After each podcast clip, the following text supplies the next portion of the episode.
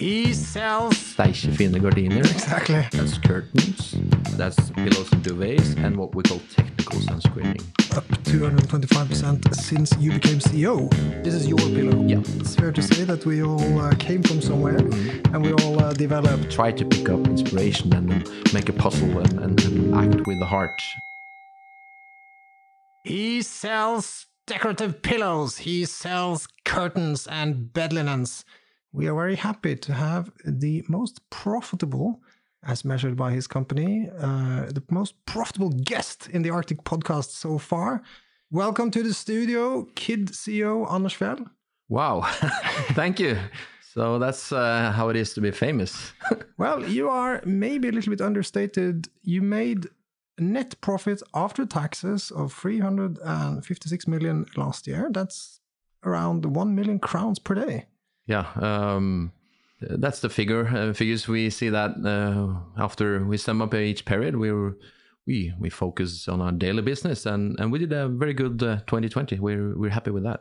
And on the topic of daily business, so you had sales last year of around 3 billion crowns. Mhm.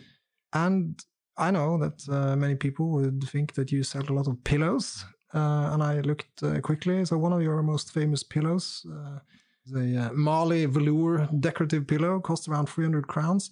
So if you only sold pillows, you would have sold around 10 million pillows last year. yeah, that, that's in- interesting figures. Uh, good thing is that we sell more than only pillows. That's, that's an enormous logistic operations, but we sell a lot of pillows, both for for indoor use and, and outdoor use. And Mali is one of our good sellers. Yeah.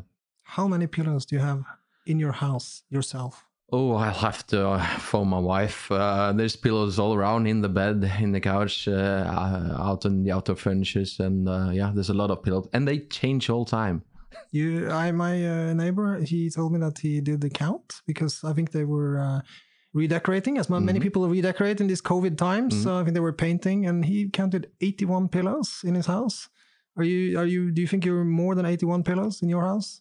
Um, uh, maybe I should not count. Maybe I should just uh, let my wife redecorate every now and then, uh, and uh, hopefully she'll buy all the pillows at Kid. Well, she has to buy them at Kid, of course. Um, I'm not sure if I have 81, but there's a lot of pillows. Let's look a little bit on the numbers because we are, of course, uh, financially interested in the Arctic Securities uh, financial podcast. But um, so the sales price of this uh, Mali velour pillow is around 300 crowns. The average gross margin that you had last year was uh, 62.3%. So that means you made a gross profit of around 187 crowns on that one. So you you bought that pillow for around 113 crowns and you sold it for 300. That's the starting point. Mhm. It's a pretty good business. Yeah, it's a good business. Um, we are very profitable. Uh, We have a good gross margin, and we also had good growth. And uh, and uh, if you are good at uh, uh, cost as well as we are, uh, also historically, that ends up with a good, very good result. And and as you said, in general, historically, the gross margin has been in, in range from sixty to sixty two percent. And uh, yeah, But then you also have costs, right? You have uh, people, you have uh, rent to pay with the shops, etc. So, and then going down to EBITDA, you made an average uh, EBITDA last year of 29.7%. So let's call it 30%. So, so you made then an EBITDA on this pillow in this uh, example of around 89 crowns. So, um, is that a little bit too much? Could I, should I maybe Google and maybe look to buy this pillow on like uh, Alibaba.com or Zalando.com, or is is there is there a, an online threat here, Anders? Um, no, I don't see it that way. Of course, we're humble about the online business uh, growing. Um, but what's very important to know is that we produce uh, products that uh, has a design that, that fits the Norwegian and the Nordic markets. So we will find pillows online. Uh, they're probably not displayed in the same way as we do it. Merchandise put in. Uh, we we invest a lot in, in marketing in in pictures, uh, showing it how it looks like in a Nordic home. You might find a good pillow displayed like they do in in a Chinese home, for instance. But I'm quite sure that uh, the way we do the work and and uh, it's it's uh, is a better way of selling uh, products in in the Nordics. And of course, since we both design and source all our products ourselves, you will only find our products in kids' physical stores. That's a very important Yeah, point, right? You, can, you cannot buy platforms. this pillow cannot be bought anywhere No, else. You, you you have the exclusive. This is your pillow. Yeah, hundred percent of our goods are designed and sourced by Kid. So there's no branded goods. Uh, actually, we have created own brands uh, that consumer consumer maybe don't know it's it's Kid, but but we have a full control of the value chain. And you also have this little heart uh, called uh, Handle med hjertet, so shop with your heart. What does that mean? Well, uh, when it comes to CSR initiatives, um, you can say that we endeavors are uh, to help the customers to make sustainable choices uh, under what we call "act with the heart" concept. And this concept includes a product label uh, that works as an umbrella brand for a number of approved and relevant standards. Uh, for a product to be labeled with "act with a heart" symbol, the majority of its content must be manufactured from more sustainable grown raw, materials, recycled materials, or other more sustainable fibers, for instance. And uh, Do, do you do you decide yourself, or do you have like an external consultant or uh, an agency that uh, helps you with these definitions of more sustainable, etc.? Or uh, we have an own department, that, that Department, works all with sustainability. Uh, and also, I'm proud to say that one of the member in our management group is responsible for this. So this is on our top agenda. We do it because we care, not because we are uh, because we need. Excellent. Uh, coming back then a little bit to your pillows, um, I found an old chart uh, which said that, uh, but this is a little bit outdated, but it said that maybe 21% of your sales came from bed linens, 17% from curtains, and then only 14% from uh, pillows. Uh, do you think that's sort of uh, where we are now in 2021 as well? Uh, you can, if you see historically, Kid comes from four large categories. That's uh, bed linens, that's curtains, uh, that's pillows and duvets, and what we call technical sunscreening. And in 2020, that was around 60% of our total turnover. Oh, really? Yeah. So the and what's has been very good uh, lately is that we've been able to drive growth in these four categories and also adding new categories uh, on a fixed cost base. And that gives that, that's maybe one of the good explanations behind the good profitability of the company. Can you comment what is the most profitable thing you sell in the shop? well, uh, it's a boring answer to that question because there's not actually not no large variances between gross margin in in the categories. So they're So it's all about getting the customer to buy an extra pair Yeah, of uh, yeah, curtains or an extra pillow.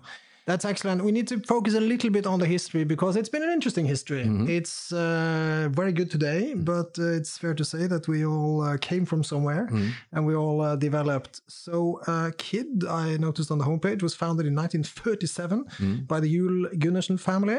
Um, I think it was called the Jug Shoe Factory. Is that Jule Gundersen is still uh, around and kicking? Have you met him?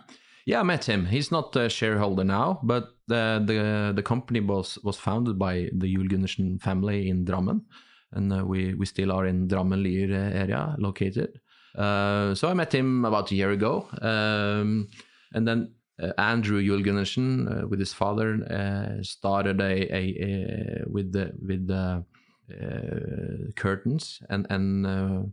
My generation uh, knows the commercial uh, from Steike fine gardiner. Exactly. And uh, I think that was a very clever way to grow the company. And then they had a remarkable good growth uh, in, in Norway, and, and uh, the rest is history. But it didn't go so well in Sweden the last time around. This was back in uh, private equity ownership, uh, and uh, what this is back in 2007, eight, uh, I guess. What went wrong? Do you know? This is obviously before your time, but do you know exactly, or sort of the big picture, what went wrong the last time you went into Sweden? Well, uh, the Gunnarsson family had a tremendous growth in Norway, and then there was a lot of private equity uh, companies looking at at uh, Kid, and uh, Industrikapital ended up by uh, by uh, acquiring the company with a large debt. And and one of the main growth stories was uh, was an expansion into Sweden. So they tested uh, the kid concept in Sweden. They put up a store, tested if the product worked, if the branding worked, and worked, and, and everything. But they did several mistakes, but one of the really big mistakes that, that was they tested a kid store in Sweden, but at Nordby shopping mall, which Oh, is which is located on the close. border. Uh-huh. 90% of the customers is Norwegian. Uh-huh. So they didn't. Uh, so when they decided to have a um, full throttle ahead in Sweden, uh, they found out that well, Kid, the brand says nothing to the Swedes, and there were different sizes at Bedlins that they didn't uh, found when they did the test at uh, at Nordby. And they also did a lot of other mistakes, and and at the same time they had trouble uh, in the Norwegian business. And combined with that high debt, the company was bankrupt, and the Norwegian bank DNB took over. Then in 2012, it was sold to uh, Gjelsten, and then in 2015, was it? Yes. Uh, Arctic uh, IPO'd the company. And then, of course, uh, fast forward, you took over as the CEO in November 2018. And uh, I must say, the stock price was uh, pretty flat there for a while, but it really shook up. I think uh, on the back of this uh, COVID uh, pandemic. So, are you uh, secretly a little bit happy with the COVID uh, crisis? I can't say that, uh, but yes, our branch, our niche, has of course with the staycation and, and refurbishing homes. It's been it's been a busy year, and and and we have good had good tailwind in the market, but being able to to uh, to how to say deliver on that, uh, you have to do the work uh, every day. So I'm I'm very proud of what the team has performed in in 2020. Uh, but I must admit that uh, it's been good conditions in the market with COVID. And as one investor said, Anders, don't tell anyone, but COVID is good for you. So we hope it will I maintain. guess we, I guess we just told, but uh, I won't name him. He, he probably knows. I think that uh, obviously you've done well on the COVID crisis, but I think the big reason for your strong stock price performance, which by the way is around up 225% since you became CEO, Oh. which is uh, pretty good. So congratulations on that. But I think one of the big reasons is this uh, acquisition you did, which was that in May 2019 you paid 38 million crowns for uh, 100% of the shares in Hemtex. Uh, trip down memory lane. I used to work for SEB in 2005, and we IPO'd Hemtex at around 2 billion SEK, and it actually went to a market cap of 4.5 billion in 2007. But you managed to buy it for 38 million only. How on earth did you manage that? Well, I think it's uh, honest to say it's a combination of two things. One, ICA wanted to sell it off, and they wanted to sell Hemtex to a company that could maintain and, and turn it around. Uh, and keep the employees and keep the stores. Yeah, uh, yeah. And keep, keep Uh, going concern type. That's right. yeah. So that was a honest. that They really wanted that. And the other thing is, we did our homework. We were well prepared. We used time. Uh, we did a very good uh, analysis of, of Hemtex, and uh, that way we got a good price. It seems like a little bit the same problems that Kid got into when they went into Sweden in 2006 or whenever it was. That uh, obviously, I think Hemtex had an EBITDA of uh, 220 something millions in 2006 and 7, and they lost 205 million in 2010. So obviously, we see that uh, the financial crisis had a had a hard hit on, uh, on on all these companies. Uh, but at the same time, uh, it does seem like the, you almost got this for free. Yeah, it, it, it was a good good acquisition and, and a good starting point for us. And uh, the price was good, but it's easy to tell now. Uh, now one and a half, uh, close to two years later, that is a good price. But uh, what makes it a good price is the integration project we've done. And, and what we have achieved. We set the goal of reaching 100 million EBITDA in 2021. We passed that in 2020. So it's the work that was done is- after is, the so this is a, acquisition. so this is a company that you bought for 38 million. that was on debt, so the enterprise value was 226 million, and you in 2019, Mm. and you made 100 million in, on EBITDA. So that's two and a half times, or less than that, two point Yeah, we, we 26 passed times.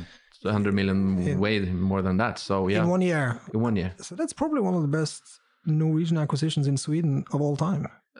Uh, you know that better than me. Uh, we're very happy, and, and We, we are not we're not usually doing good deals in, in, in our neighboring country as as a nation. I think uh, that's uh, that's the truth. Yeah. But uh, coming back a little bit then to your journey, because uh, you obviously are fairly new in the job. You've uh, done a transformational acquisition, uh, but uh, before that, you worked for another retailer, Mhm. Uh, XXL, which, um, well, I must admit I checked, and uh, that stock is down 45% since you left. Uh, Mm. In the period, obviously purely coincident. Did you take some of the macho culture from XXL into Kid? Um, I learned a lot from it, to say. Uh, I had 16 wonderful years in XXL, uh, 14 and a half years in with good uh, tailwind. And the last one and a half year, I learned a lot, a lot about what not to do, uh, what went wrong. Uh, I still admire XXL. Uh, and What, I, what, what was your title at the end of your XXL career? you can describe it as a COO, uh, various position at the end there. So, yeah. Before XXL, you worked for uh, which is uh, obviously Elgiganten in Sweden. Mhm. Um, what's the sort of best practice or best culture or uh, best CEO you worked with uh, through your career? I must say that the first CEO of of uh, XXL is the one I admire the most. Steenbuch? No, it, Oh. his name is uh, is Robert Iversen. Oh, Um, he was uh, the one of the founders of the company, and then Fredrik came in some years later. Uh, that's because the did, way did he, would- come from Elkjøp? Yeah. Yeah, okay. So there was this, so Elkjøp, Elgiganten, was some of the same guys team went to that XXL. uh, Oh. that came from Elkjøp. Uh, they, they they started up XXL, and then half a year later they asked me if I want to join, and that's how I ended up in XXL. That's interesting. So it's a small world also in retail. Of course, yeah, and in in Little Norway, it's a very small world. Excellent. And who of these companies do you admire, and or do you have any other retail companies globally that you see as sort of a best practice or best in class or champion of retail? Uh, is there any one you particularly want to mention? there's not one company. What I do is that when we're on vacation or business travel, I tend to always drop in all in all retailer. It could be a large superstore in, in England or just a small store in a small city in, in Norway, and I try to pick up inspiration and then make a puzzle and and, and develop our concept together with our employees. Uh, so it's not one retailer uh, that I admire the most. I, I try to to copy with pride and and and put the puzzle into to Kid and in that way develop our concept. We need to look a little bit into the future. You uh, invested in this uh, auto store uh, inventory, or uh, well, it's like a, it's a warehouse. Yes. Uh, well, what is it exactly? it's a good way of of uh, of um, um, have higher efficiency and, and more capacity in in the warehouse, uh, and also extremely important for have a lower picking costs both for uh, our um, logistics for the store and also for the online business. We haven't been able to to handle the online peak we had in, in 2020 if it ha- if it wasn't it hadn't been for for Autostore. How, how much did you invest in the Autostore? Uh, As a bit below 30 million uh, in Norway, yeah. and do you know how quickly you made that money back, or is it? Uh, we haven't disclosed that figure, but uh, I must say we we are, we are very happy with the investment, and yeah. But but you only have this in Norway. You haven't implemented this in Hemtex yet. No, the, the logistics setup is a bit different in Hemtex. Uh, we have a third partner, th- 3PL uh, logistics uh, setup with Hemtex. So, uh, but in Norway and Kid, we have our own logistic, and, and we are located together with our warehouse, uh, the, the the management and uh, the headquarter. So if I go into kid.no and I order one of your pillows, Mhm. is it purely automatic? Is it like a robot that finds this pillow and basically sends it to me with no hands involved? No, or- it's not that, that auto- automatic. You can you, you can have that automation, but then the investment will be much larger. So Okay. that's uh, something we looked into that, but it's, it's uh, that wouldn't be a, a correct way of uh, spending our money, how to say. But uh, it's a robot that takes the pillow to the picker, Okay. and then the picker stands at the picking station and put it in either a, a box or an envelope and drops it off uh, at the conveyor belt, and it goes directly to to uh, to uh, how to say pallet and then sent off. So you delivered obviously a very strong 2020, and uh, you also paid very nice dividends. Mm-hmm. Uh, I am a very small. Well, my daughter's own a few shares, so Mhm. uh, thank you for that. uh, it's nice to get some uh, money back, not only uh, paying for all those pillows. but uh, what do you have? Limited growth? Do you see? Uh, what, what is there? Is there now? Do you, do you see bigger need to pay out to shareholders than to put money into Hemtex growth or any other markets you can go into? Oh no, there's definitely no conflict with with high dividend and, and good growth. we have a very strong financial uh, uh, positions, and we're good at at uh, running a retail chain across Nordics. We're not going to be a bank, so there's no need to to keep the money uh, in kids. So we we will uh, give it back as a dividend to our shareholders. But we we invest on a yearly basis about 100 million uh, in in developing uh, primarily our stores and also our omni uh, channel platforms. And uh, as we've proven with the Hemtex uh, acquisition, if a good deal comes along, we'll look into that and we will consider doing other types of investments. But if you see, you have a couple of very small countries in the Baltics. You have very mm. small, a few shops in the Baltic states. Yeah, we we, we see uh, because we've been highly successful with with Hemtex uh, in Sweden, which we we only focused on Sweden in the first phase. We also have stores in Finland and Estonia. We have now uh, decided to to uh, to scale up uh, the Hemtex uh, speed and, and invest in Finland and Estonia as well. So we will invest in stores, more stores, refurbishing stores.